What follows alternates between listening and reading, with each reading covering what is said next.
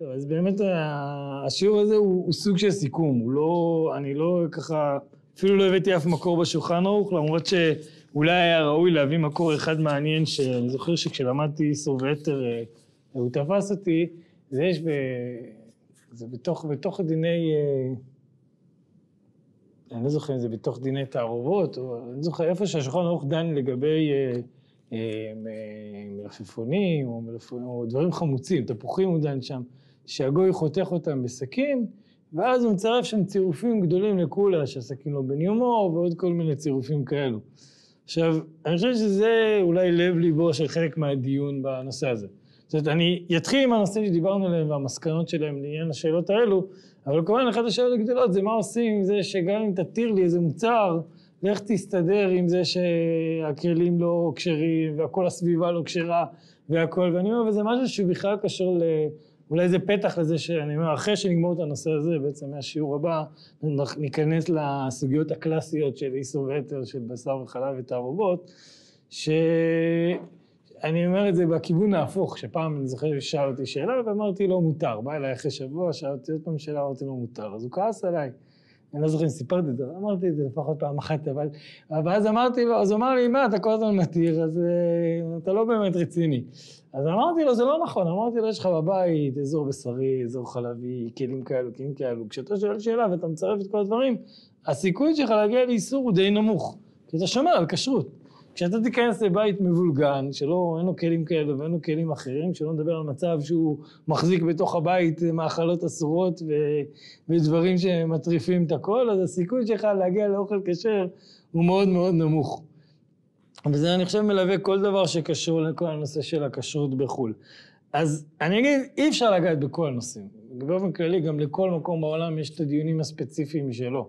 אפילו אם, אם, אם עסקנו נגיד בפת פלטר, אז הבאתי לכם ברשימות שם, יש מקומות שמדברים על לחמים שמעורבבים, מקומות שלא, זה דברים שחייבים בירור בכל מקום ומקום, אי אפשר להעביר שיעור כזה, אי אפשר לכתוב מדריך כזה, שבאמת יענה על כל השאלות לכל מקום, ובאמת לכל מקום צריך את, ה, את הבירורים שלו.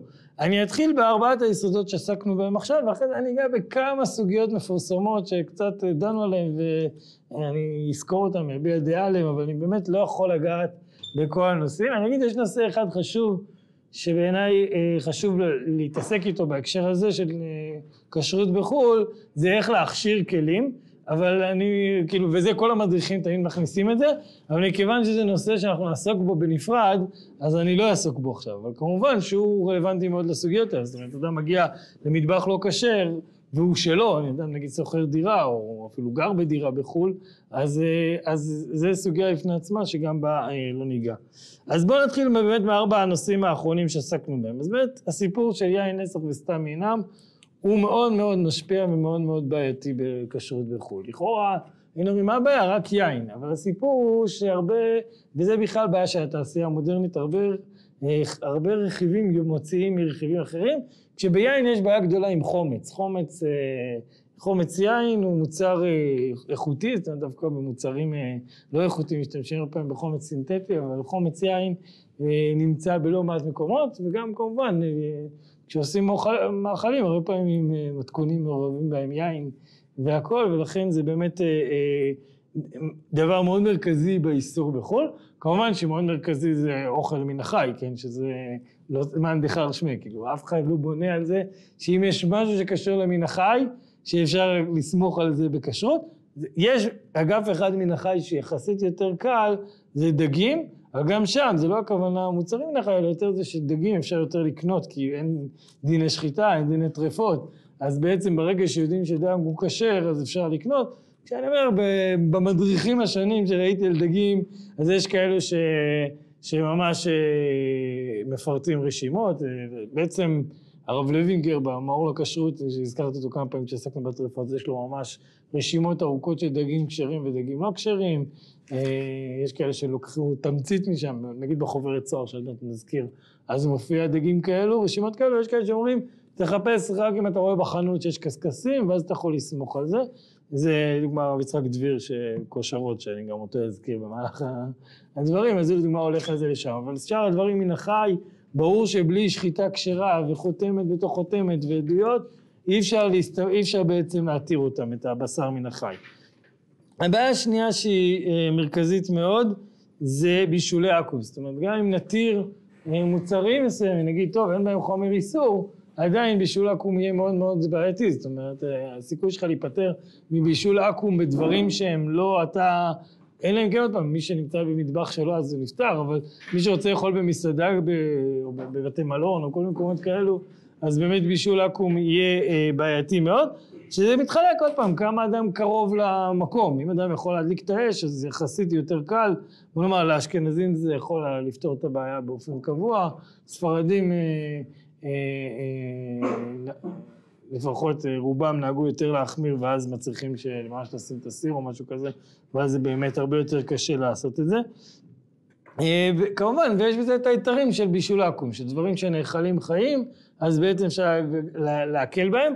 אני עוד מעט אגש לסוגיה של מסעדות טבעוניות, שזו מחלוקת גדולה שהייתה, אז זה לוקח את זה קצת לפן המעשי יותר, אבל בגדול, דברים שנאכלים חיים, זה קיים באמת בירקות ודברים כאלו, שגם אם מבשלים אותם, אנחנו לא מגדירים אותם כאסורים בבישול העקום. ויש את ההיתר השני שזה עולה על שולחן מלכים, שזה הרבה יותר קצר, הרבה יותר קשה להכניס מוצרים לשם, אבל... אבל אני אגיד ככה, הדברים שנאכלים חיים, אני אזכיר יותר אחד, ואני גם קצת בהמשך ארחיב בכלל על הקפה, זה מה שהזכרתי על הקפה. שבאמת הרבה פוסקים אמרו על הקפה, שהקפה הוא בעצם מים. כי מברכים עליו שהכל, ואז בעצם דברים שנאכלים חיים, זה לא רק הדבר עצמו. זאת אומרת, אם יש משהו מעורב בדבר הנאכל חי, אבל העיקר הוא הדבר הנאכל חי, אז זה גם אפשר להקל בו בבישול יעקום, שזה ההיתר המפורסם על הקפה. השאלה כמובן כמה אפשר להרחיב את זה לעוד הרבה מוצרים או לא. זה, אה, אני אומר, עיקר הדברים של הבישול לעכו"ם. הפת עכו"ם יחסית זה יותר אה, סכמטי, זאת אומרת, זה בגדול, כאילו פת פלטר. כשאני אומר, הרב מלמד נגיד, מאוד נוטה לזה שמי שבא מישראל לא יקל בזה, ואני אומר, גם כאן, אני אומר בסוגריים רגע על השאלה של כשרות בחו"ל. יש כאלה שעוסקים בכשרות בחו"ל בלי להיות קשורים לחו"ל. וזה יוצר מצב, עכשיו אני לא, זה לגיטימי. אבל זה יוצר מצב בעייתי, כי יש בוא נאמר שתי סוגי צורך בכשרות בחו"ל. אדם שמטייל בחו"ל ויכול אולי להצטייד טוב ולהגיע, או אנשים שגרים בחו"ל, או שהם גרים שם כי יש להם עבודה או שליחות או דברים כאלו, שהם נולדו שם, יש הרבה יהודים בחו"ל, ואני אומר, וצריך להיזהר בהגדרות ש, ש, שכאילו קל לנו להגיד אותם פה בארץ ישראל, וכשאתה מפיל אותם על מישהו שהוא לא זמין לזה כמו בארץ, אז אתה... אז צריך לבחון את עיקר הדין ולא לקפוץ, לכן אני אומר, בפת עכו"ם בפשטות, פת פלטר אה, מותרת, אה, אה, זאת אומרת פת שהיא נמכרת, וזה בעצם בערך כל לחם שאדם יפגוש, כן, הסיכוי שלו, חוץ ממישהו אוכל בבית פרטי של מישהו, ועופה לו לחם, אבל באמת זה דבר מאוד מצוי. ש... פת פלטר זה פת של אופה.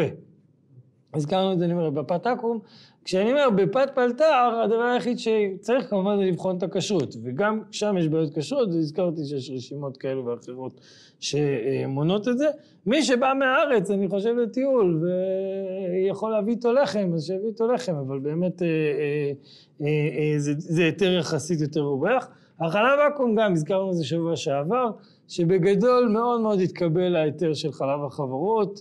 לא אומר שלא היו מסתייגים, כפי שערוך השולחן הסתייג ו, ו, ו, ועוד, אבל אה, אני חושב שזה יותר, אה, אני אומר, הוא התחיל ברדב"ז כמו שהזכרתי, והחזון איש בקצה מקל בו מעיקר הדין, למרות שתלמידיו לא רצו, לא רצו להאמין שהוא יותר בזה, אבל הוא כותב את זה די מפורש.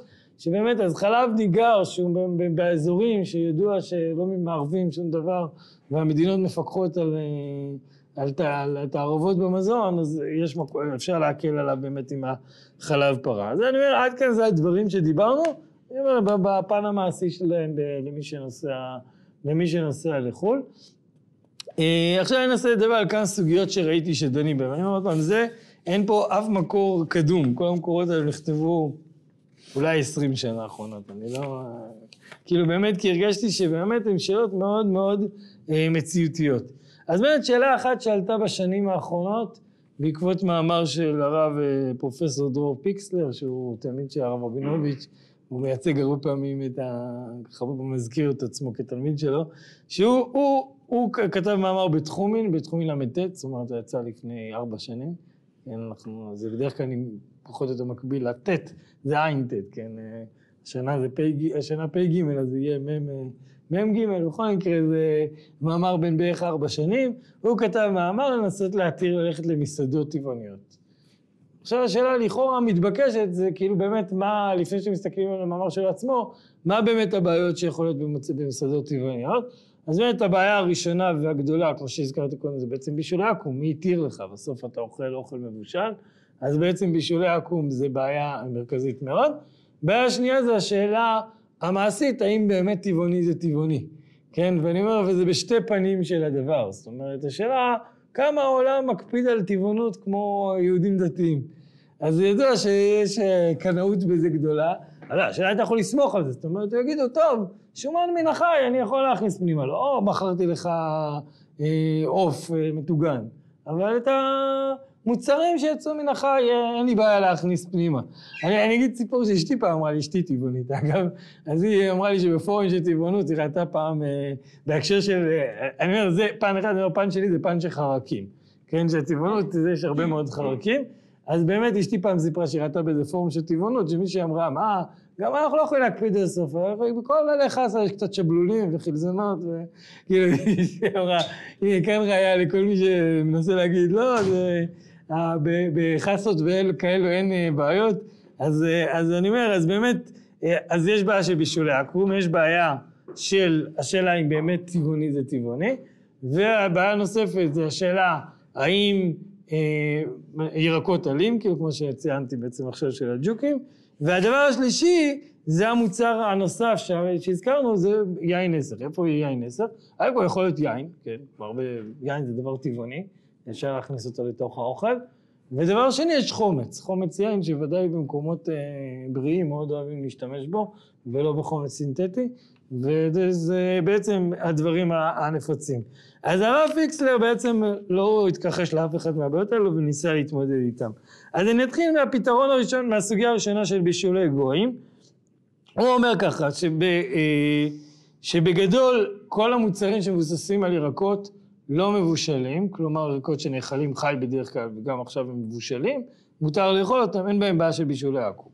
זה, אני חושב שקשה לחלוק על זה. השאלה הגדולה היא מה קורה אם יש לך תערובת, זאת אומרת, יש לך סלט מוקפץ, יש בו בטטה שהיא לא נאכלת חיה, עם אה, ירקות שכן נאכלים חיים, אז הוא טוען שבעצם אה, אה, אה, הולכים לפי העיקר, זה הוא מביא מהשולחן ערוך, ובעצם, אני כבר מזכיר, זה בעצם ההיתר שהזכרנו גם על הקפה, כן?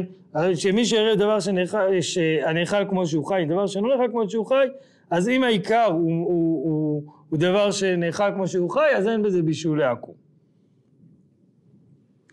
אה, אז הוא טוען שבעצם זה כלי, אמצעי גדול להתיר בישולי עכו"ם בירקות, כי בעצם הרבה ירקות לא נחלים חיים.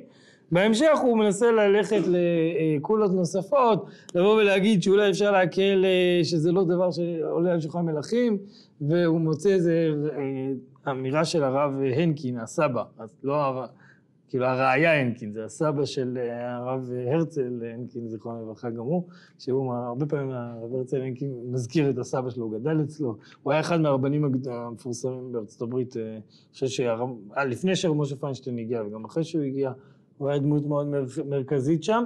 אה, אה, אז הרב פיקסלר מביא ציטוט ממנו שהוא מדייק ממנו שכמעט ואין שום דבר שעולה על שולחן מלכים וזה גם סברה נוספת שלו אה, אה, לכולה.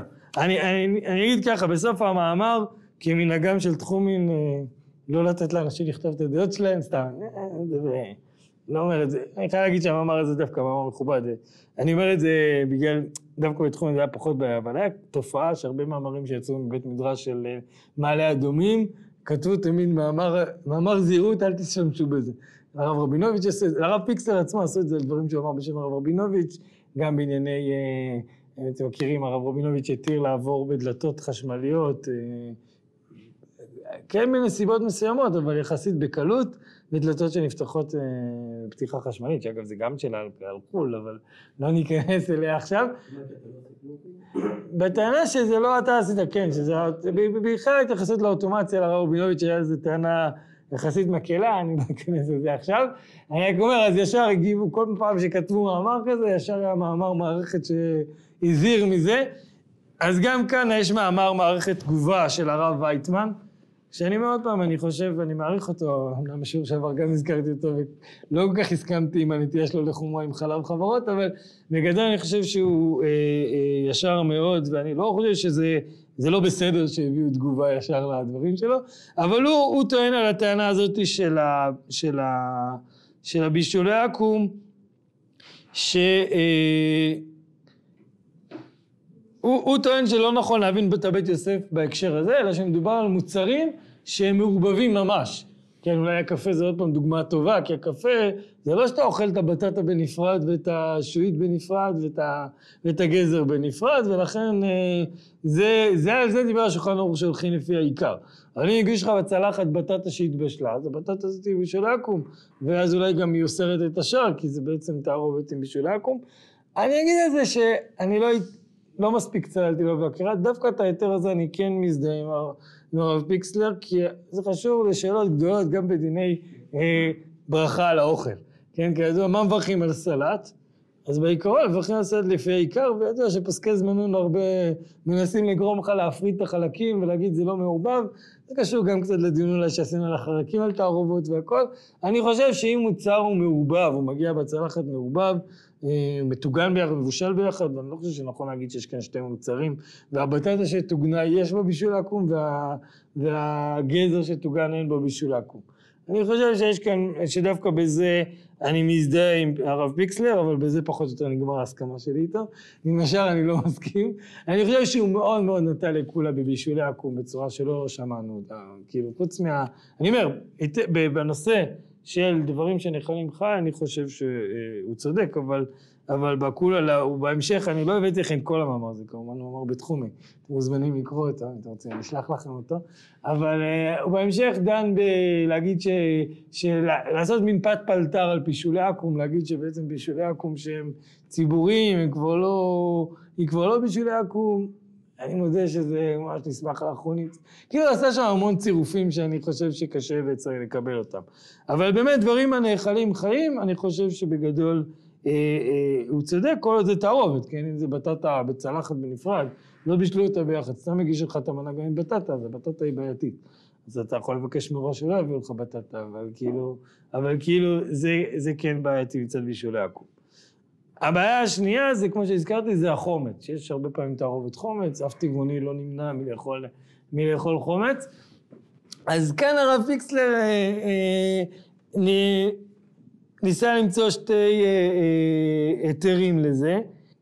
כאילו, הוא אומר, אפשר אחת לבקש שלא ישימו חומץ, שאפשר לדון בשאלה אם זה עוזר, כי זה כמו כל שאלה של כשרות, מי שלא נאמר על כשרות, אז, אה, אז אי אפשר לסמוך עליו שיעשה את מה שאתה אומר לו.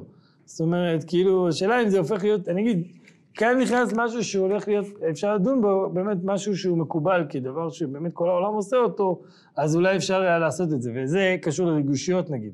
בגלל זכות הריגושיות, לפעמים אנחנו יודעים על מוצרים שיש.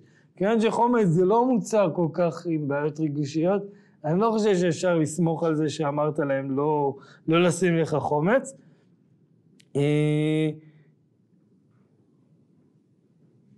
כן, הוא, מת, הוא מביא כאן גם כאן, הוא מצליח למצוא כמה אה, אחרונים שהקלו בחומץ יין אה, מייסורי הנאה, למרות שאני לא מבין למה זה ייסורי הנאה, זה לכאורה אסורי אכילה, הרי מערבבים את זה באוכל, והוא אה, טוען שבארצות הברית חייבים לסמן אה, חומץ בין יין, בגלל שכל דבר שנסע מיין חייבים לסמן. אני מודה שאני לא בקיא בחוקים בארצות הברית כדי לדעת עד כמה זה חוק נכון ומיושם, אבל... מה? שמה, שאסור לשים חומץ בלי לכתוב? אני לא בטוח בכלל שזה קיים בכל מקום, כי זה לא אלכוהול בחומץ, חומץ הוא לא אלכוהולי. יין כן, יין אולי אפשר, אפשר להגיד, גם ביין מיץ ענבים הוא לא אלכוהולי נגיד, אז השאלה אם אה, אתה יכול לסמוך על זה ששמו לך, לא שמו לך משהו שהוא פחות מחמש אחוז אלכוהול אה, במוצרים, אני עוד פעם, זה חלק מהבעיה בכל הסוגיות האלה, דברים שאנחנו לא יודעים, קשה להגיד עליהם משהו, בסדר? אני לא חושב שזה אה, היתר כל כך מרווח, אני כן אומר, מי ש... אני, אני אגיד את זה קצת ככה, נגיד הרב יצחק אה, דביר, אני רוצה להזכיר את הדברים שלו, אז הוא כאילו כותב שאף אחד לא יכול להיות משגיח ליום אחד, אבל אני כן חושב שאם אדם כן נותנים לו מרחב עבודה שם, אם זה קבוצה, לפעמים דברים כאלו, אז כן אפשר לברר שאין במטבח חומץ ולהסתמך על זה באיזשהו מקום. כמובן שאפשר לדון, השאלה אם הכלים שבישלו בהם חומץ הם לא נאסרים. כן, אז לכאורה כן, אבל יש כלל בשולחן ערוך שסתם כלים אינם בני אומן. אבל במסעדה אני לא יודע אם אפשר ליישם את זה, כי גם אם אתה עכשיו שעה יפינו לך את ה... נתנו לך את הרשות להסתכל שלא משתמשים, אתה לא יכול לדעת שלפני רגע לא, כאילו, מה זה אתה לא יכול לדעת? בטוח השתמשו. מסעדה משתמשת בכלים שלה כל הזמן, זה לא כלים שמונחים בצד. אני חושב שזה כן נפקא מינה בדבר שאתה יודע שהוא לא שם עכשיו. לדוגמה, סתם, אם, אה, אם ניקח אה, דוגמה בנושא כשרות כלים, יש קומקום חשמלי. ברור שקומקום חשמלי לפעמים איתו מים. אני יש חשש שלפני איזה חודש מישהו בטעות חימם בו איזה... כמו שאמרתי, אני לא אכנס בשיעור הזה כל נושא הכשרת הכלים, כי זה נושא מוכר, אני סתם רוצה להביא דוגמה, שיש מקרים שאפשר לסמוך על סתם כלים מן המיומן, לדוגמה, כשיש פס ייצור של משהו מסוים, ואתה יודע שהפס ייצור הזה הוא בסדר, להגיד שבאותו פס ייצור השתמשו גם למוצר אחר לפני חמש שנים, או לפני חצי שנה, או לפני אפילו יומיים, זה באמת אפשר להסתמך על הכלל שסתם כלים אינם בני אומן. שאני אומר, זה כלל של דיעבד, אנחנו לא ייצרנו את זה, הם ייצרו, עכשיו אנחנו יודעים אם זה כשר או לא. אבל אני אומר, באמת החומץ, אני חושב שאם אה, אין דרך לדעת שלא משתמשים בחומץ, אני חושב שזה באמת בעייתי מאוד להגיד את זה. אה, אה, אני אומר, זה, אבל הוא פותר את זה באמת בטענה שאפשר יהיה להגיד להם אל תשתמשו, אני רגיש לזה, תורידו את זה. אני מסופק אם זה באמת משהו שעובד בעולם במצב היום. לגבי החרקים, כמובן שזה גם שאלה, הרי ברור שלא מנקים מחרקים, כמו שציטטתי את האי בפורום של התולעים. דווקא במובן הזה זה קצת מתהפך, כי יש יתרון גדול לדברים שמבשלים. כמו שאמרנו, בדברים שמבשלים, גם אם אסור לבשל, לפעמים לכתחילה, אם בישלו, אנחנו יכולים להקל שזה נמעך בבישול. אם אתם זוכרים את הקולה הזאת, זה אחת הקולות שמופיעה בשולחן ערוך, אי אפשר להתווכח איתה. הדיון הוא האם מותר לעשות את זה לכתחילה, בבית שלנו ברור שאסור לנו לעשות את זה, לקחת חלקים לבשל אותם ולהגיד הכל מותר, אבל במסעדה כשהגישו לך משהו מוכן, אז זה מותר. אז דווקא בזה דברים מבושלים יש בהם יתרון. מצד שני, דברים חיים, אז באמת אה, אה, תלוי בנגיעות.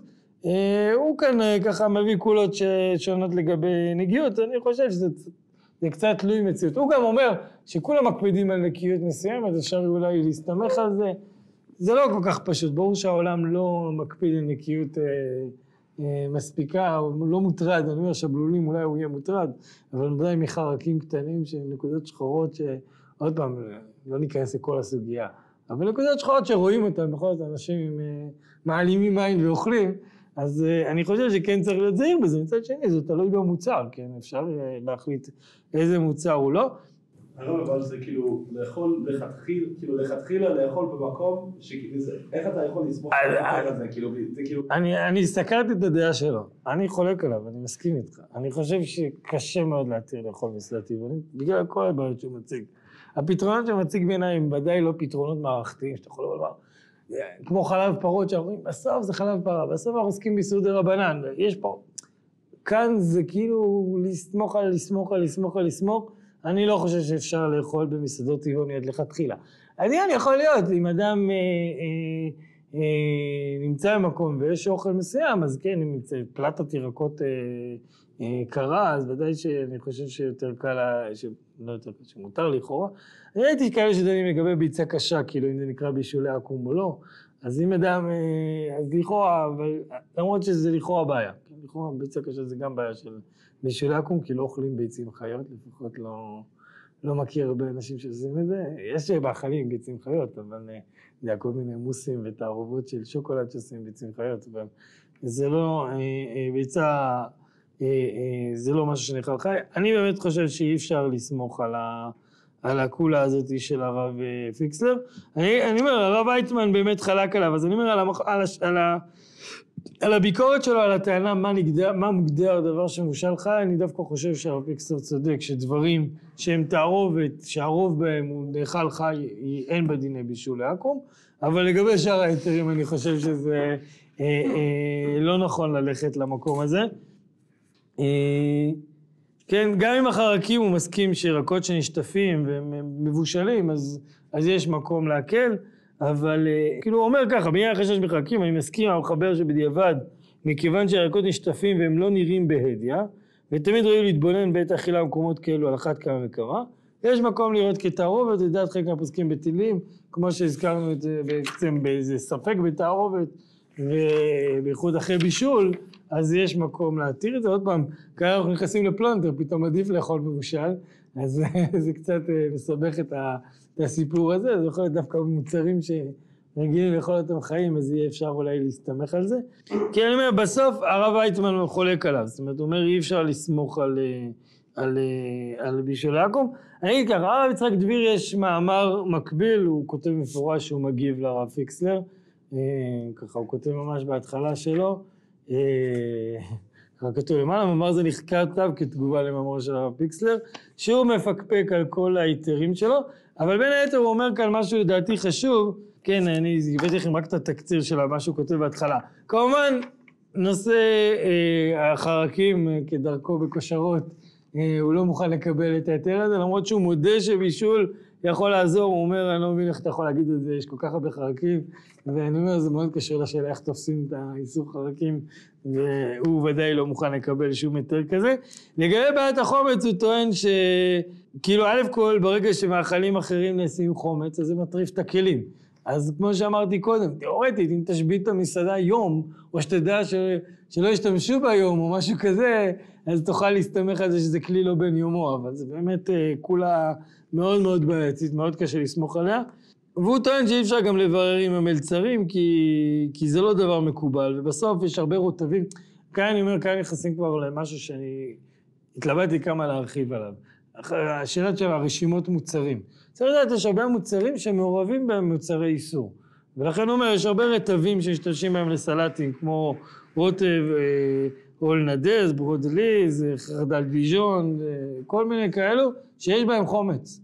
אז בסוף תגיד למישהו אל תשים לי חומץ, אז אולי הוא לא ישים לך חומץ מהבקבוק. אבל המוצרים האלו הם מוצרים בעייתיים שצריכים כשרות כל אחד לעצמו, ולכן זה לא, זה לא יפתור שום בעיה, בקשה שלא ישתמשו בחומץ. בסופו של דבר הוא אומר, אין דרך. למנוע את זה, אלא אם כן אתה יודע את כל המוצרים שישתמש בהם. והוא אומר משהו נוסף, וזה טענה מעניינת שהוא אומר בסוף, וזה קשור למה שאמרתי בהתחלה, אין טבעונים, טבעונים. גם הטבעונים לא סגורים על עצמם במאה אחוז, זה לא עבר את הבירור של האלפיים שנות כשרות שלנו, שאנחנו יודעים כל דבר וזה, כאילו הוא מביא כאן שיש איזה, ש... שב-FDA יש ויכוח מה זה טבעוני, ו... ו... האירופי לא ניסחו הגדרות, כאילו אין הגדרה בעולם מה זה כשרות טבעונית, מה קובע שמשהו טבעוני. כיוון שאין הגדרה כזאת, ממילא קשה מאוד לייצר אה, מצב שאתה יודע בוודאות שלא נכנס שום דבר אה, צדדי מן החי. עוד פעם, לא הדבר עצמו. אבל הוא אומר, הרבה מוסדות טבעוניות כן מזרימים דברים שמוצרי חלב. אז נגיד שאולי מוצרי חלב יותר קל לנו, אבל, אבל גבינות כבר זה יותר בעיה, או דברים של, אה, של אה, דגים, שלפעמים דגים לא כשרים. ושל... קיצור, הוא אומר, בסוף בסוף זה לא משהו שהוא כל כך מוגדר ונקבע בעולם. אני יודע, אולי עוד 50 שנה, 40, 100 שנה, העולם יתבהר בזה. יכול להיות אפילו עוד עשר שנים, שיהיה תקנות מאוד ברורות, יהיה אסור להכניס דברים, ואז אולי אפשר לחזור לדון בזה. כשאני אומר עוד פעם, הסיפור של החומץ יין הוא אחד הסיפורים הבעייתיים. זה קצת מוזר, כי באמת היום יש המון סינתטי. אז היית אומר, טוב, הרוב סינתטי, אבל זה לא עוזר, כי בסוף אם חרדל דיז'ון הוא מוצר שעושים אותו עם חומץ יין, אז בסוף אה, לא פתרת את הבעיה. ואתה נשאר עם, אה, עם הבעיה. לכן אני חושב שהסיפור הזה של uh, טבעוני uh, הוא לא פתרון. גם הרב אורן דודבני, אחרי אני אגע, שאלו אותי על החוברת, שלחתי לכם אותה, חוברת של צוהר, כידוע יש הרבה ויכוחים על צוהר בשנים האחרונות. אני אדם שכן מחזיק מצוהר, גם גדלתי בעולם שבו צוהר היה פעילות ציונית דתית ראויה ומכובדת, ואני עדיין חושב שהיא שם.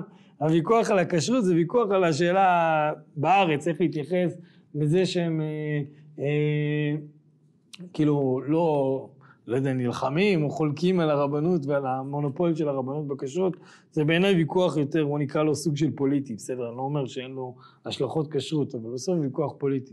החוברת הזאת ששלחתי לכם, זה חוברת שהם מפיצים, שמי שכתב אותו זה הרב אורן דובדבני, שאני עוד פעם, הוא היה קשור גם לכשרות הארצית. אבל אני חייב להגיד שקראתי המון דברים שלו, והוא מאוד מאוד רציני ומבין בתחום, אה, הכשרות והכשרות התעשייתית. אני אגיד את זה ככה, וזה כמו שאתה יודע שהזכרתי קודם. אחד היתרונות שלו על חלק מהדיונים זה שהוא היה רב בחו"ל, הוא היה במקסיקו בשליחות נראה לי, אבל הוא היה שם הרבה שנים רב, אה, רב אה, משגיח כשרות, אני לא יודע אם שליחות, הוא בעבודה, בעבודת רבנות בהשגחה על, על נושא של בתי מטבחיים וכל מיני נושאים כאלו, והוא מבין בעולם של חו"ל לא מעט. ולכן אני חושב שיש הרבה מה לסמוך עליו.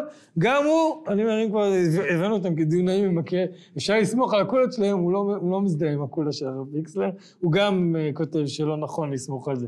כן, הוא אומר, uh, הוא אומר, הגדרת צמחוניות יווני איננה מעידה על כך שהמוצר פרווה ואפילו לא שהוא כשר, כי הוא בעצם אומר, זה לא, אין הגדרה מספיק ברורה פה כזאת בעולם, וצריך לבדוק את הכל עם רב בקיא, כאילו בסוף בסוף אי אפשר להיכנס למסעדה טבעונית להגיד פתרנו את הבעיה.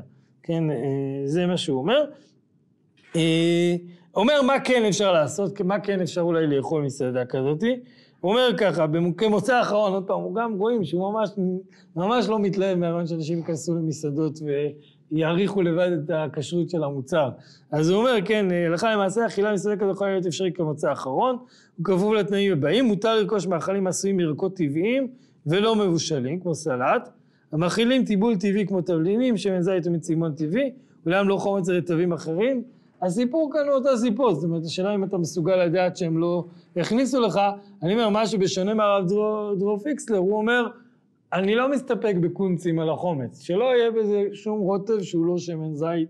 זה, אני לא יודע כמה מוצר, כמה אתה יכול להגיד כזה דבר במסעדה, להגיד לך תביא לי סלט ישראלי כמו ש...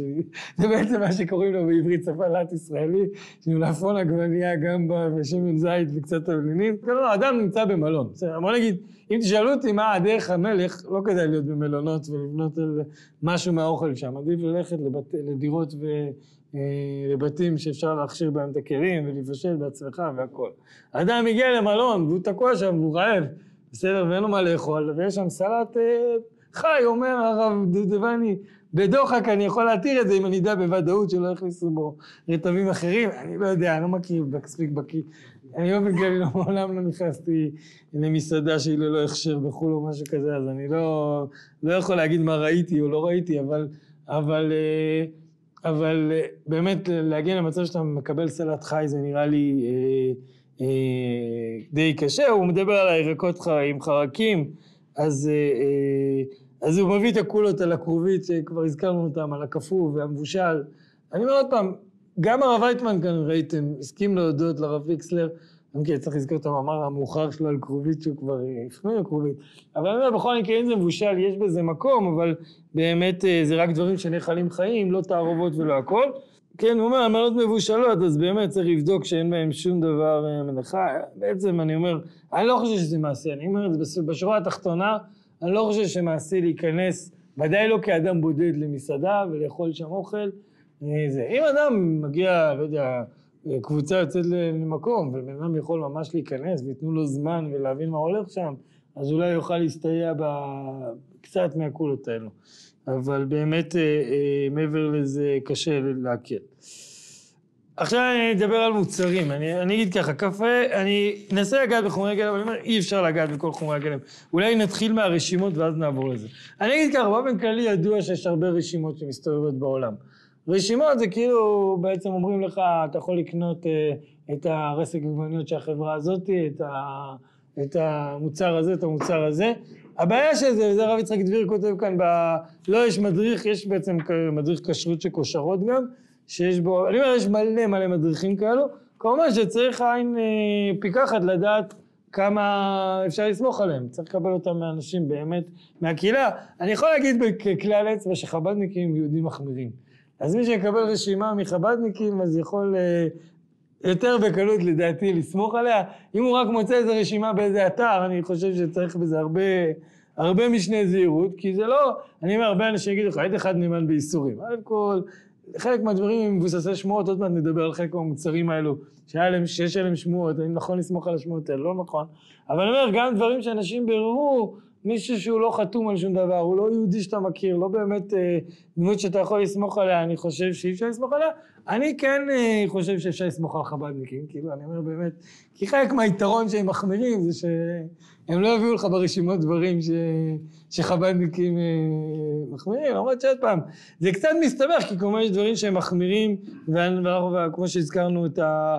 את החלב חברות שהם לא יתירו והרבה אנשים כן יתירו, אבל לפעמים הם בעצמם אומרים, טוב, אני, זה אני כן אגיד לציבור הרחב, תדעו שיש את החלב הזה והזה שהוא, שהוא בסדר לאוכלי חלב עקום, אני חושב, אבל, אבל אני אומר, באמת לקחת רשימות מאנשים נאמנים. אני בחוברת של, של צוהר, תראו את הרשימה, היא די קצרה, כן, הבאתי אותה כאן אה, אני יודע, לא יודע למה זה התאפס המקורות, אבל זה מקור בעמוד 4 למטה. אז, אה, אז הוא אומר ככה, הוא מביא רשימת מוצרים בסיסיים שלדעתנו על פי הנתונים שלדעתנו אפשר לרכוש את רובם ברוב מדינות העולם. הוא אומר גני בוקר של קולגייטס, הסוג הפשוט, מלבד חלב סויה, אם אין עליו תוספות. זה כבר מצריך כל אחד שהולך למדינה גם לדעת לקרוא את ה... לפעמים זה כתב, כתב שהוא בכלל מסוגל לקרוא. אז אה, לדעת שאין בזה תוספות זה באמת אה, מצריך אה, זהירות. טחינה גולמית גם ללא שום תוספות, ירקות קפואים לסוגיהם. לגבי צ'יפס יש בעיה כי בדרך כלל כדי שהצ'יפס יתאגן טוב מוסיפים לו שמן מסוים ולכן אם זה יהיה שמן קנולה שבדרך כלל מקובל להתיר אז זה אולי יותר טוב אבל לא תמיד אנחנו יודעים איזה שמן או איזה... גם אם מבשלים את הצ'יפס קצת לפני זה. כן אבל זה עוד פעם השאלה אם מבשלים את זה תעשייתית ואתה לא חושש לשמן שבישלו בו, אז זה לא בעיה, כי זה לא מוכן לגמרי, זה קשור קצת למה שדיברנו על מה קורה אם יש בישולי עקום, הוא רק התחיל, אתה תגמור לבשל, לא? אם אתה קונה צ'יפס, אה, צ'יפס כזה. בכל מקרה, אומר שצ'יפס קפוא צריך הכשר, אז מי שרוצה להכין צ'יפס יכול, יצטרך לעבוד כמו שעשו פעם, כמו שעשו אבותינו ואמותינו, לקחת תפוח אדמה ולחתוך אותו, זה, זה גם עובד למי, ש... למי שלא לא התנסה, אבל זה עובד. אה, זה אולי קצת יותר אה, זמן, או פחות אה, אוטומטי, זה, זה לא הכל נהיה מוכן מיד, אבל באמת צ'יפס קפוא זה יותר בעייתי מירקות קפואים. הם מביאים שם מיצים טריים, שהם מאה אחוז כאילו מיץ, אבל כמובן מיץ יכול להיות גם מיץ ענבים, אז כן? אז כמובן שצריך שזה יהיה רק מיץ מסוים, זאת אומרת, אדם קונה מאה אחוז מיץ תפוזים, אז הוא טוען שבעצם אפשר לסמוך עליו. אני אגיד בסוגריים שנגיד הרב יצחק דביר טוען על מיצים טבעיים שיש מיצים שהם בעייתיים יותר, מיצים פחות. גם בזה אתם תראו שמי שהולך לרשימות של מוצרים שהם מפיצים בכל מיני מקומות, אז יש כאלה שכותבים בחברות במקום הזה מותר מיץ תפוזים ומיץ תפוחים טבעי, כל השאר לא מתירים. כי לפעמים שמים כל מיני חומצות, א' כל חומץ לפעמים, כל מיני חומרי טעם וריח, כל מיני חומרים שמחזיקים את זה כעמיד. חלק מהבעיות של מוצרים זה שמוצרים טבעיים לא שורדים. מוצר טבעי, אתה תסחוט מיץ לימון, אחרי יומיים, אחרי יום אתה לא תוכל לאכול אותו. בכל זאת אתה קונה מיץ לימון 100% טרי בסופר, איך זה מחזיק לך מעמד? אז מוסיפים לזה כל מיני מוצרים שמעמידים את זה. גם כשזה כאילו 100% מיץ. זה 100% מיץ, פלוס אחוזון בודד שזה חומר מעמיד. אז לכן, אה, אה, לכן אני אומר, הם יחסית מקלים כאן, אני אומר, בהרבה רשימות כשרות רואים בזה, אני חושב שבאמת אה, צריך להבין מה המציאות במקומות השונים, זה לא... קשה מאוד להגיד שמאה אחוז זה עובד, כמובן אם זה סוחטים מול העיניים שלך זה כבר משהו אחר. כאילו מי שקונה ממיץ שנסחט, אה, מיץ פירות שנסחט במסחטה ישר לתוך הכוס שלו, אז זה אה, ודאי שאפשר להכיר. אני אומר עוד פעם, הם לא כתבו את זה כאן, אבל פירות וירקות זה כמובן הקולה הכי גדולה. אני חייב להגיד שהרב, בכושרות הם טוענים על פירות שיש פה פירות ש... ש... שרודפים אותם בדונג וזה עלול להיות בעייתי. אני מודה שזה... שזה, אני לא יודע. אני יכול להגיד דונג עצמו, אני לא יודע מה הבעיה שלו, בעיקרון דונג הוא דבש, אבל יכול להיות שזה דונג מסוג מסוים, לא יודע, לא יודע איזה דונג יכול להיות בעייתי. אני חושב שלרוב זה לא בעיה, בוודאי שאפשר לשטוף אותם, כן? אז, אז אולי נכון באמת להקפיד יותר על שטיפה, דברים קליפות, אז גם אין בעיה, כי אתה מוריד את הקליפה, לא, גם אם ציפו אותם... כאילו, הטענה שמצפים פירות כדי שיראו יפה ב... ב... כאילו, מי שקונה אותם בסופר. אז אם אתה באמת אה, שוטף טוב, אז אני חושב שזה פותר גם את הבעיה הזאתי. אני אומר, אם כן הביאו עוד כל מיני... אה, אה, אה, אה, חומרים, כן, סלומון מעושן, פסטה טריה, שזה גם ראיתי גם אצל כושרות, הם גם טוענים שזה באמת, אה, הם לא, הם לא שמו, הם לא, לא על זה, ופטריות, עוד פעם, פטריות אין סיבה שהם יהיו בעייתיים, אלא אם כן נשים אותם בחומץ. אז כמו כל קופסת שימורים, תמיד הבעיה שיכול להיות שזה בחומץ. אז באמת, אה, אה, צריך לראות שזה פטריות במלח או פטריות אה, טריות לגמרי, ואז זה כמו פירות וירקות, שזה באמת יותר פשוט. ומביאים, לדוגמה ריבות יש בעיה של, של אה, מיץ ענבים, אז ריבות מסוגים מסוימים, ושמן זית, שכתוב עליו שהוא מאה אחוז שמן זית, הוא לדוגמה כותב כאן הרב יצחק דביר, הבעיה בעולם ששמן זית מאה אחוז הוא... יש מקומות שמקפידים על זה, יש מקומות שלא מקפידים זה, מי שמכיר תמיד לפני חנוכה, אז בארץ אוהבים לפרסם על זה כל מיני פרסומים, על הערבובים וזה, אז אני מניח שאם, שוודאי שיש תופעה כזאת, למרות שעוד פעם, זה נשמע שזה קצת דומה לדיון של החלב פרות, זאת אומרת, תלוי כמה הפיקוח של המדינות, כאן אתה במדינה מערבית עם פיקוח רציני, אז אה, מדינות הערביות, עוד פעם, זה לא אומר ששמן זית, גם אם אתה מדינה מאוד מתוקנת, יכול להיות ששמן זית הוא לא מאה אחוז שמן זית. אז לכן צריך לראות כשכתוב עליו שהוא, שהוא, אה, שהוא רק שמן זית. וזה אני אומר, זה כן אה, רואים ברשימות. עכשיו אני אגיד, יש חומרים שאוהבים אה, לפרסם עליהם. אז באמת, הבאתי לכם כאן סתם רשימה של מישהו שמצאתי שהוא מדריך כשרות כללי כזה. אז הוא לדוגמה אומר, טוב, פירות וירקות טריים הבאתי, דיברנו על זה, מים מינרליים בלי טעמים, זה גם מים. אני חייב להגיד שהן מקושרות כאן, הביאו שש מדינות שיש חשש לג'וקים במים. אני לא בטוח שמים מינרליים זה קורה, אבל... אבל אה, בסדר, אני לא יודע, אני לא... מים מינרליים בדרך כלל זה לא בעיה, עוד פעם, מים בלי טעמים, כן? כי עוד פעם, מי זה עם טעמים? זה יכול לבוא מענבים, זה יכול לבוא מחומץ או כל מיני כאלו.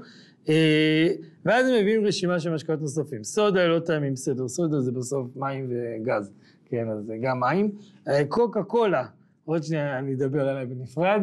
אותו אחד שהביא את הדוגמה, הרי שאלתי ספרייט, שאגב זה יחסית מוסכם, ו-7 Up שזה בעצם גם ספרייט, אם אני לא טועה, לא, זה פשוט אה, של חברה אחרת, לא? זה של פפסי, לא? 7 Up זה של פפסי, לא של מי זה? או שזה חברה עצמאית. לא משנה, בכל מקרה זה ספרייט, ספרייט אגב, גם מי שמחמיר בקולה, אני אגמור בקולה, אבל אה, אני אומר, גם מי שמחמיר בקולה, אפילו הקשות של הרולנדו טוענים שיש ספרייט לא, לא צריך הכשר, אז אני אומר ספרייט אני חושב שאין חולק שזה בסדר, שאגב מה שכן כולם אומרים מזהירים שזה הפנטה, שפנטה היא בעייתית מאוד, שיש בה, שיש, מה? כן, בגלל ששמים בה, עוד פעם, זה קשור לאותם דברים שראינו קודם על החומץ. יש מוצרים שמגיעים אליהם אה, חומרי טעם מיין, ופנטה היא בעייתית בזה. לכן פנטה בעולם היא מאוד בעייתית, לא פנטה בארץ שמפעלי טמפו ומפעלי קוקה קולה בארץ עם הכשר של הרב לנדאו. אני מדבר על פנטה בעולם, אז פנטה, אה, אה, כולם, כולם טורחים לכתוב, תיזהרו, גם, גם הרב אורן דודמן, אני לא זוכר אם הבאתי את זה, אבל בהמשך הוא מביא את הפנטה. בכל מקרה זה בקבוצה של הדברים שכולם מסכימים שהיא בעייתית, אז אני אומר, אה, אז זה הרשימה, אני, על הקוקה קולה אני אדבר בנפרד, בסדר? שמן זית הזכרנו גם ברשימה של כושרות, סוכר ומלח הם סוכר, באופן כללי חומרי גלם הם תמיד יותר פשוטים, כן? ככל שיודעים שמשהו מאה אחוז חומר גלם, אז אין בו בעייתיות, כי עוד פעם חומר גלם הכוונה לא בשר, כן? אבל אה, פירות, ירקות, אה, קטניות, אז גם סוכר ומלח. קפה, עוד רגע אני אזכיר מה, את הרשימות שהרב דודן מתייחס לזה. אה, גם תה, דווקא תה, ולא טעמים של תה, דווקא פירות חלוטים הם בעייתיים. תה, אה, עלי תה הם, הם לא בעייתיים. הוא מביא כאן ברשימה גם את הבירה, ש, אה, ש, שבגדול בירה, שהיא עוד פעם בירה שיודעים עליה, שהיא לא עשו אותה, דווקא בירות תעשייתיות הן יותר פשוטות, בירות של חברות פרטיות, אז יכולים ליישן אותן עם ברנדי או, או כל מיני דברים כאלו. ולכן אה, אה, בבירה באמת אה, צריך, אני אומר, מה, ש, מה שמקובל להגיד זה בירות של חברות מוכרות הגדולות ולא בירות אה, פרטיות בוטיק כאלו. הרב, לגבי תה, כאילו בארץ לפעמים מסתובב כזה כל מיני תאים של רוסיה וכל מיני כזה, מה הסיפורים? אתה יודע, בוא נצלול רגע לקפה והתה. לקפה והתה הרב אורן דודבני בחוברת שזה העריך על זה. אז הוא אומר ככה, בגדול קפה, הוא אומר יש שלושה סוגי קפה בעולם. כן, שלושה מקומות, עצים שזנים כאילו, שיש אה, את האזור, את האתיופיה, הריביקה, כאילו זה אתיופיה, קניה, אה, סודאן, ששם כדי, אה, ויש את הקפה האפריקאי, שהוא מאינדונזיה בעיקר, ואני לא יודע מה, מה זה נותן מה שהוא אומר כאן, אה, הוא טוען שזה בעצם משפיע על השאלה של איזה מוצר, ברור שקפה הוא פרי, כן, הלקה, אני אומר אותו דבר גם זה תה אגב, כן, תה הוא גם פרי, השאלה איך מכינים את זה. קפה הוא פרי, מה שעושים בדרך כלל זה, אה, אה, זה, זה מוציאים את הפולים מתוך הפרי ומייבשים אותם ואז קולים אותם בטמפרטורה של בערך 200 מעלות, ואז זה נוצר הקפה הזה שהציור היפה, מה שהם מוכרים לאנשים עם מכונות קפה איכותיים, זה בעצם הקפה הקלוי. כן, זה בעצם יוצר להם את ה... זה מה שמשמר את הפרי שהוא יהיה טרי. אחרת, אני מניח שאם מורידים מהעץ קפה וישר מבשלים, אולי זה אפשרי, אבל זה לא יגיע עד אלינו, זה בסוף כמו כל פרי, צריך טריות. אז הכלייה היא בעצם מה שהם... משמר על הקפה טרי, אז הכלייה לעצמה היא גם לא בעייתית. אז בעצם השאלה אם כלייה היא נחשבת בישול עקום, אז, אז אנחנו, אז כבר אני אומר, אנחנו חוזרים לסוגיה של בישולי עקום, כמו שאמרתי, כמו שראינו כבר בראשונים והאחרונים, סליחה, ש, שבקפה טענו שבעצם תופסים אותו כמו מים, ולכן רובם הקלו בקפה להתייחס אליהם כ, כדבר הנאכל חי, למרות שעוד פעם, קפה לא נאכל חי, אבל המים נאכלים חיים, ואין בו בישולי עקום. אה, ודאי שהכלייה הראשונית, אם אדם קונה קפה שכלוא, אז זה חוזר למה שדיברתי בשבוע ש... ב... הזכרתי את מה שהרב שמואל אמר. על, ה... על הסומסום והטחינה והחומוס, שאם זה מוצר שאתה קונה אותו ואתה מכין ממשיך לבשל אותו, אז בוודאי אתה עשית חלק מהבישול, כן? כשאני מדבר על טחינה, חומוס שאתה רק מערבב, שזה גם שם הוא טען את הכולה הזאת. בקפה שאתה הולך לבשל במטבח שלך, אז ודאי שאין מה לדון, גם אם אתה רוצה להחמיר בבישול יעקב בקפה, אז אה, קפה חומר, כחומר גלם ודאי מותר לקנות. זהו, קפה נמס זה בכלל משהו אחר. קפה נמס זה העדים של הקפה שמייבשים אותם ומהם כאילו, ואז בגלל זה הוא גם נמס, כי הוא כבר מבושל בעצם. שאני אומר קפה שחור שזה כליאה, זה בעצם כמו פיצוחים קצת, כן? ובעצם כולאים אותם בחום מאוד גבוה, אבל, אבל בצורה יבשה, ולכן זה נשמר, הרעיון של הכליאה היא לשמור על זה טרי. בסדר? אבל זה עדיין עובר כליאה, זה עדיין עובר כאילו סוג של, אה, אה, של בישול, זה יותר קשור לבישול אחר אפייה בהלכות שבת. לא ניכנס לזה. ויש מחלוקת על קפה שחור אם אפשר להכין או לא להכין, אבל קפה נמס זה ודאי כבר בישול אחר בישול, כי מבשלים אותו ממש ושומרים על האידוי שלו. בכל מקרה, הרב אורן דודבני טוען שכליאה לעצמה היא לא בישול לעקום, ואני אומר, ועל הקפה עצמו, אז כאילו כמו שאמרנו, יש באמת את הקולות שלו, ולכן הוא אומר שאין בעיה לקנות קפוצ'ינו או קפה, אה, בעצם את כל סוגי הקפה, חוץ מאייס קפה שמערבים בו תוספות. כן, וכמובן זה עוד פעם, אם אתה קונה קפה במקום שמכינים לך רק מקפה, אז באמת אין בעיה. אבל אם אתה קונה קפה שיש בו קפה כזה כמו שיוטבעת, כמו אייס קפה כזה, אז תמיד אתה לא צריך לבדוק מה להכניס לו. הרבה כמובן מזכירים את בעיית החלב, אז זה חוזר עוד פעם לאותה סוגיה. אם אתה סומך על החלב החברות, אז אתה יכול גם לשתות קפה שבישלו אותו עם חלב. כן, אבל אם אתה לא סומך, אז בעצם מדברים בעיקר על הקפה שחור. לגבי תה, אז באמת אה, אה, תה עוד פעם, זה אלים, העלים עצמם הם חומר גלם כשר, אין בו בעיה. הרב אורן דודבני עצמו מעיד שהוא ראה במפעלים, הוא דיבר על... אז הוא אומר, מה שעושים מתה רגיל זה באמת ייבוש של, של העלים, אין, אין, זה, אין זה בעיה. הוא אומר איפה יש בעיה? בעלים שהם עם טעמים. והוא אמר שהוא לדוגמה ראה איזה, איזה, איזה, נכנס לאיזה מפעל ש... שהוא ראה שמרססים חומר, הוא הלך לבדוק מה זה החומר הזה, והוא ראה שמרססים אה, ברנדי לפני שהם מכינים את ה... את התה הזה, אני אומר, אני... עוד פעם, זה חוזר לזה שבסוף כל השאלות האלה צריך להכיר את המציאות, ואי אפשר להגיד בו, כן, לעשות איזה פלפול ולמדני ולהחליט בו. לכן הוא טוען שפירות, אה, תה בטעמים אה, אה, הוא בעייתי, אבל תה, שאגב, ארל גריי זה לא תה, כן, זה בעצם תה בטעמים גם. על ארל גריי, הוא הערה 66, שכחתי להביא לכם אותה. אבל אתם הבאתי לכם את כל החוברת, אתם יכולים לראות. על זה הוא אומר שהוא הגיע למפעל וראה שריססו על זה ברנדי. אז, אה, אז באמת... אה, יש שיטות של הסופר? אז תה שהם לא תה חליטת פירות, אז כן. היום הרבה קונים חליטות פירות, שזה יהיה ללא קופאין, אז כאילו בעצם חליטת פירות זה לא תה. כן, חליטת פירות זה איזשהו סופרית שעשו לו... זה יותר בעייתי? שזה יותר בעייתי, כי הוא אומר שם בדרך כלל מערבים מוצרים אה, נוספים ו... ושם אי אפשר לדעת, צריך לבחון מוצר מוצר. עוד פעם, דברים שיש להם השגחה, יש להם השגחה, כי אנחנו מדברים על המציאות שאין לך השגחה ואתה בא לחומר, אתה מנסה להחליט אם הוא חומר גלם או לא. אז, אז אני אומר, יש דברים שהם כאילו נראים חומר גלם, ויש דברים שלא נראים חומר גלם, כמו פסטה, אבל בכל זאת אומרים שפסטה זה בדרך כלל תערובת של מים וקמח, כן? אה, פסטות בדרך כלל מכינים אותה רק ממים וקמח, גם זה כי יש כותבים שאם יש פסטה צבועה או דברים כאלו, אז אתה כבר יכול להבין לבד שזה לא היה רק מים וקמח, אה, אני יודע, פסטות מסולסלות כאלו יש לפעמים צבועות, או דברים כאלו, או שזה פסטה שכתוב עליה שיש בה טעם, אז היא גם בעייתית. אז באמת, אה, אז אני אומר, קפה ותה כחומר גלם הוא תאורטית כמו פירוט, בסדר?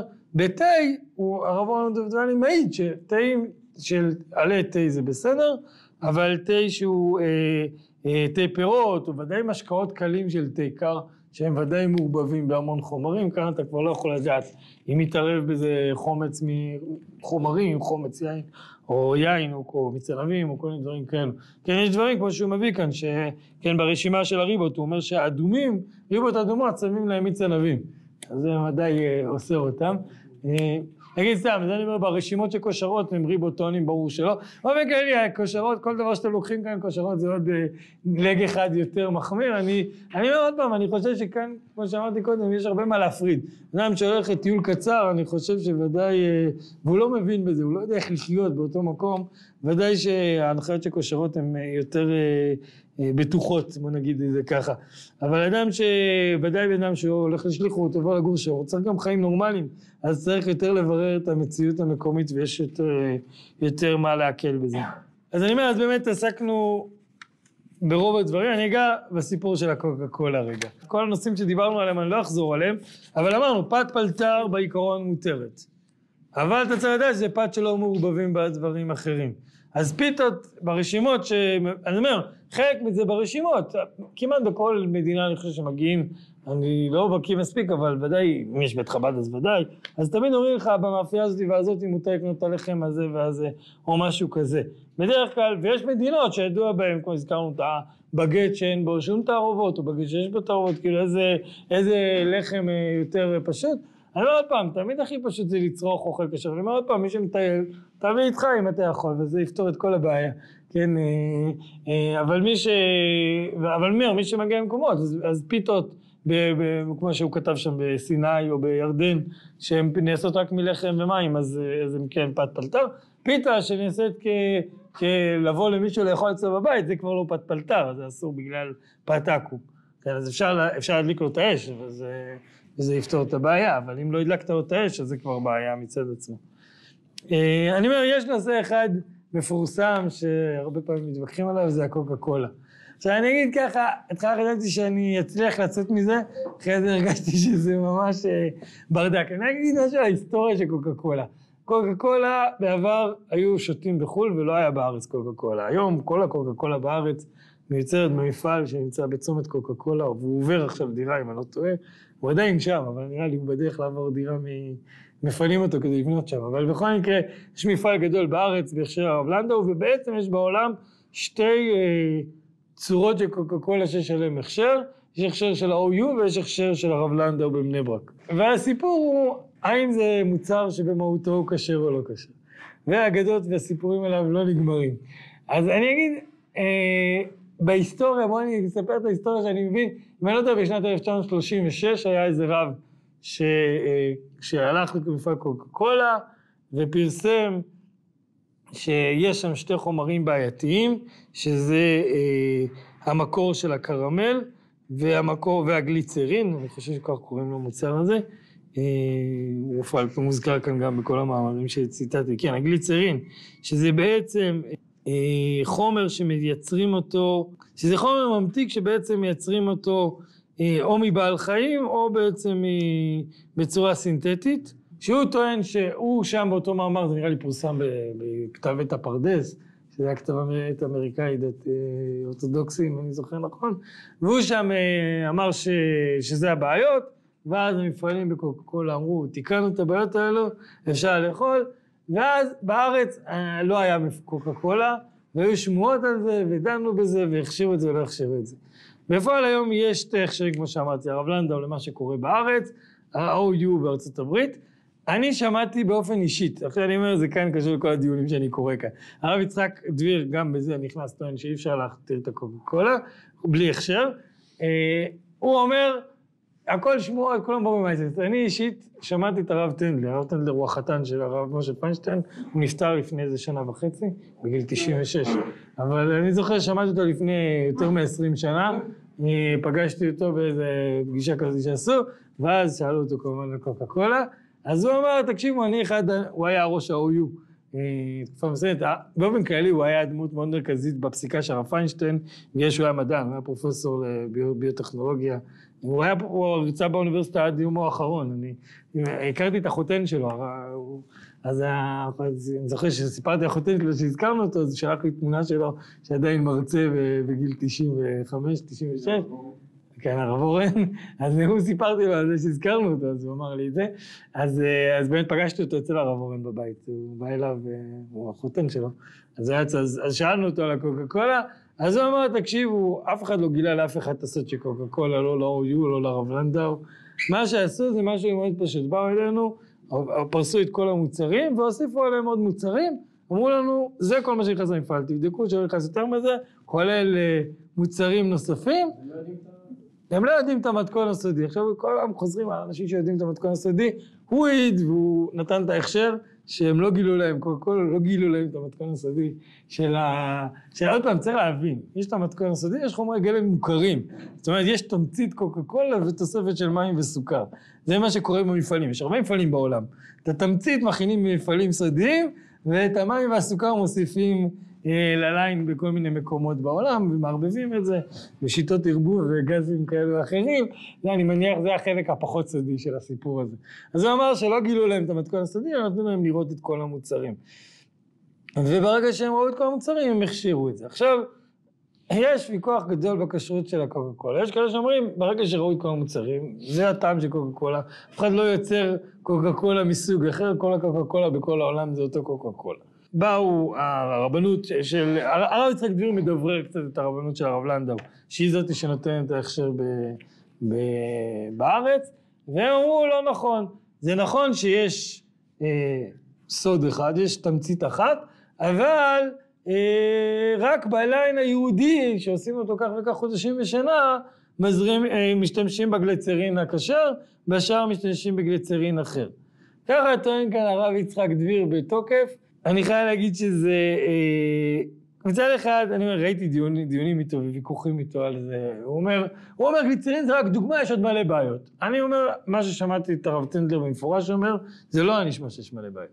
זאת אומרת, זה היה נשמע שהם לא נתקלו בבעיות, שבאופן כללי ה-OU נתן הכשר על בסיס הרשימת מוצרים שהביאו להם.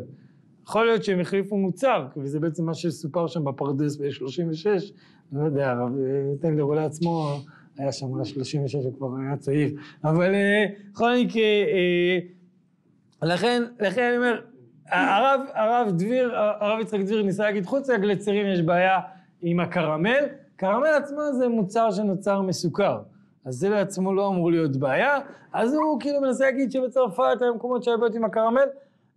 אני אגיד ככה, ניסיתי לראות מה אחרים כותבים על זה. קשה להתווכח על זה. באופן כללי יש הרבה מקומות בעולם ששותים קוקה קולה, בטענה מאוד מקובל בעולם שקוקה קולה אה, בכל מקום זה קשר.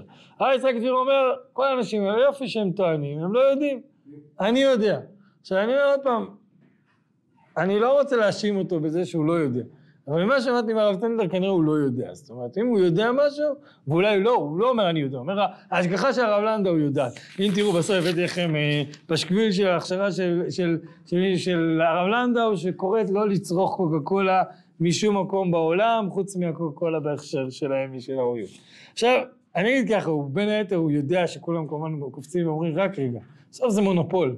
הרב לנדאו מאוד משתלם שלא יגלו, לא יגידו שקוקה קולה כשרה בכל. בכלל, קוקה קולה ישראל, טמפו משקאות, מאוד משתלם שלא יביאו קוקה קולה מכל מיני מקומות אחרים בעולם, ו... ולכן הם אומרים את זה. הוא אומר, זה לא נכון, למה אנשים נאמנים? עובדה, הם העזו להגיד שספרייט כשר. אז מה שאמרתי, ספרייט מוסכם שהוא כשר. אפילו הרב לנדאו אומרים שזה ספרייט כשר. קוקה קולה, יש שינוי בטעם. לא, זה שינוי בכמות הסוכר. סוכר, סוכר ומים מערבבים בכל מקום, יכול להיות שלמים ולסוכר יש קצת השפעה, ויש טעמים קצת שונים של סוכר ומים. אבל הקוקה קולה, תמצית קוקה קולה עצמה היא, היא לא מיוצרת, גם לא מיוצרת בארץ אם אני לא טועה, היא מיוצרת ממפעלים אה, מסוימים בעולם. אני אגיד על זה, אני חושב שאחד מהשאלות הן על עולם הספקות בהלכה, ואני אגיד את זה ככה, קשה להתווכח עם מי שאומר אני יודע. אבל מכיוון שגם אני שמעתי, והוא אומר, הוא מאשים את כל מי שאומר אחרת שהוא שמע בובי מייסס. כיוון ששמעתי את זה מהרב טנדלר באופן ישיר, אני לא חושב שזה בובי מייסס. זאת אומרת, יש כאן, כנראה באמת הבעיה היא אותו גלצרין, שאני חושב שזה קצת שאלה כמה הוא מוצר אה, אה, שהוא יקר. זאת אומרת, ראיתי תכתובות, אני הבאתי לכם כאן אוסף תכתובות של הרב דובדבני. כי לא, בספר, ב, ב, הופתעתי כי הייתי בטוח ששם הם יכתבו את זה, בחוברת הקשות של צהר, קוקה קולה, מוזכרת ברמז במקום אחד, לא כאמירה ברורה על זה. אה, ניסיתי לחפש מה הוא אומר, כי אני זוכר ששמעתי אותו, ראיתי, לא שמעתי, רפורמים שיצא לי בשעתו לפני שנים אה, לראות דברים שהוא כתב, אז זכרתי שהוא כתב סברות להקל, אז באמת הבאתי לכם ציטוטים של מה שהוא אמר בעבר, זה שהקרמל עצמו צריך, לא צריך להיות לו בעיות. אני אומר, הרב דביר מביא כאן על הקרמל, שאולי קרמל שנוצר עם קרמל אחר בכלי איסור. אני אומר, הרבה כלים בתעשייה, כשהם מייצרים משהו יותר קל להגיד, אני אומר, זה השולחן ערוך שלא ציטטתי לכם, אבל ציטטתי לכם בעל פה, שאפשר לומר סתם כלים אינם בני אומן על דבר כזה שמייצרים אותו תעשייתית, לא על מסעדה כמו שאמרנו. אז לכן אני אומר, על הקרמל אני באמת חושב שזה סברה, אה, זה לא סברה להגיד בגלל זה לאסור את הקרמל. הסברה הנוספת שדנים זה מה קורה אם יש מוצרים ממש זעירים של תערובות, אז הרב יצחק זיהו אומר, מה פתאום, תערובת אסורה לכתחילה. אבל רק רגע, אתה קונה את זה מגוי שייצר את זה, זה לא לכתחילה, זה דיעבד, זאת אומרת, עשו את זה. השאלה אם זה נאסר בגלל זה. לכן אני אומר, אם זה תערובת של חומר שהוא מאוד מאוד משמעותי, או מעמיד, או שהוא, או שהוא נותן טעם, אז זה בעיה. אבל אם זה חומר אה, כזה או אחר שאולי יש שם, שהוא, שאולי אה, אה, כן הגיע מאיזה חומץ יין או משהו כזה, אז זה אני חושב שלא צריך לחשוב. מצד שני, אני אומר, כאילו, השאלה אם ראוי... אה, אה, אני אומר, כאילו, זה קצת דומה אולי ל... אני חושב שגם בחלב החברות, אפשר להגיד את המשפט תבוא עליו הברכה, אני חושב שכאן גם יש, אה, יש מקום אה, להבין את הפקפוק בזה. אני אגיד, המקום האחרון שראית עוד דובדבן, אני אתייחס לזה בכתבה בישראל היום, ניסיתי לחפש באינטרנט, לא הצלחתי למצוא משהו מספיק ברור, ושם הוא אמר את זה בגדול, ש... שזה שהעולם מתיר זה כן שיקול בהלכה. זאת אומרת, זה שאתה מגיע למקום, במקום הזה אה, אה, סומכים על הקוקה קולה, זה כן מקום, אבל צריך לומר, אני לא מבין את הטענה הזאת, מה הקשר? אמר לי אה, משגיח של הרב לנדאו שאנחנו יודעים שלא, אז זה לא. עכשיו, יש אמת בדברים שלו, אבל הבעיה שגם אם מדברים על ספקות. זאת אומרת, גם הם מסכימים שהמוצר הבסיסי הוא כנראה כשר.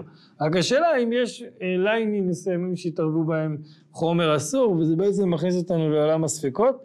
אני, אני אומר, אני מודה שאני לא מספיק בקיא כדי להבין מאיפה מגיע הגלצרין הזה, אבל לפי מה שאני מבין, אני, אני אגיד ככה, היה מי שטען שהגלצרין עצמו צריך להיות כשר כמו היותר של ג'לטין, שזה בעצם מוצר מ, שמיוצר מ... אמנם גם אם הוא יוצר משומן בעלי חיים אה, לא כשרים, זה יוצר בייבוש, ואחרי זה קצת מזכיר את הקיבה שהזכרנו אה, בשבוע שעבר. אני אומר עוד פעם על ג'לטין אולי נעסוק בנפרד. אז אני אומר, זה גם שיקול מסוים להקל, שגם יש כאן ספק אם זה מהמוצר הקיים, וגם ספק אם אה, המוצר עצמו אסור. זה באמת שאלה גדולה. אני אגיד את האמת, אני לא קונה את הסיפור של להגיד שמישהו בודד שיש לו אה, מונופול על זה אמר, אמר משהו, זה הופך את זה לבעיה. אני כן מבין שאם באמת יש כאן אה, עדות אה, של חומר ספציפית שבאמת מצוי באופן רוחבי כלא כשר, אז זה שיקול להחמיר. אז אני אומר, יש מקום להחמיר.